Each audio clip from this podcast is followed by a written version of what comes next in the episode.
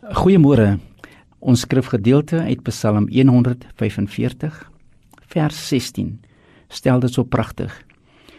U maak u hand oop en skenk u guns en oorvloed aan al wat leef. Ons kan dus net ons lof en dank aan God bring vir sy hand wat ons weer vandag gaan lei.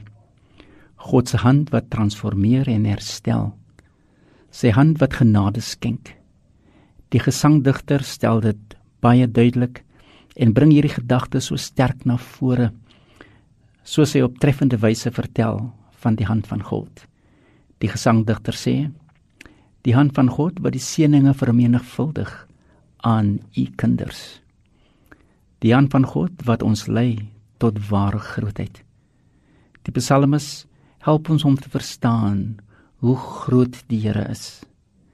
En die psalmis help ons ook om te sien dat as ons God loof, hy altyd die middelpunt moet wees dat ons moet leef vir mekaar en dat ons ook altyd almal insluit.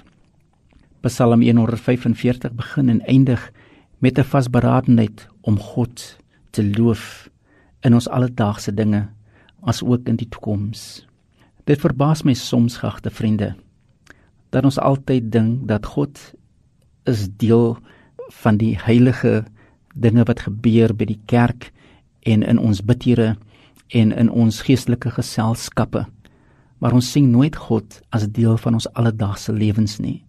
Of daar is miskien van ons wat God sien as deel van ons alledaagse lewe. En dit is presies wat gebeur geagte vriende.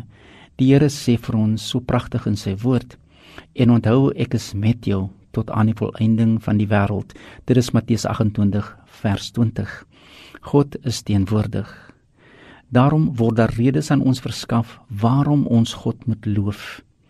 Eerstens omdat alle lof God toekom in sy wonderbaarlike skepping en sorg vir almal.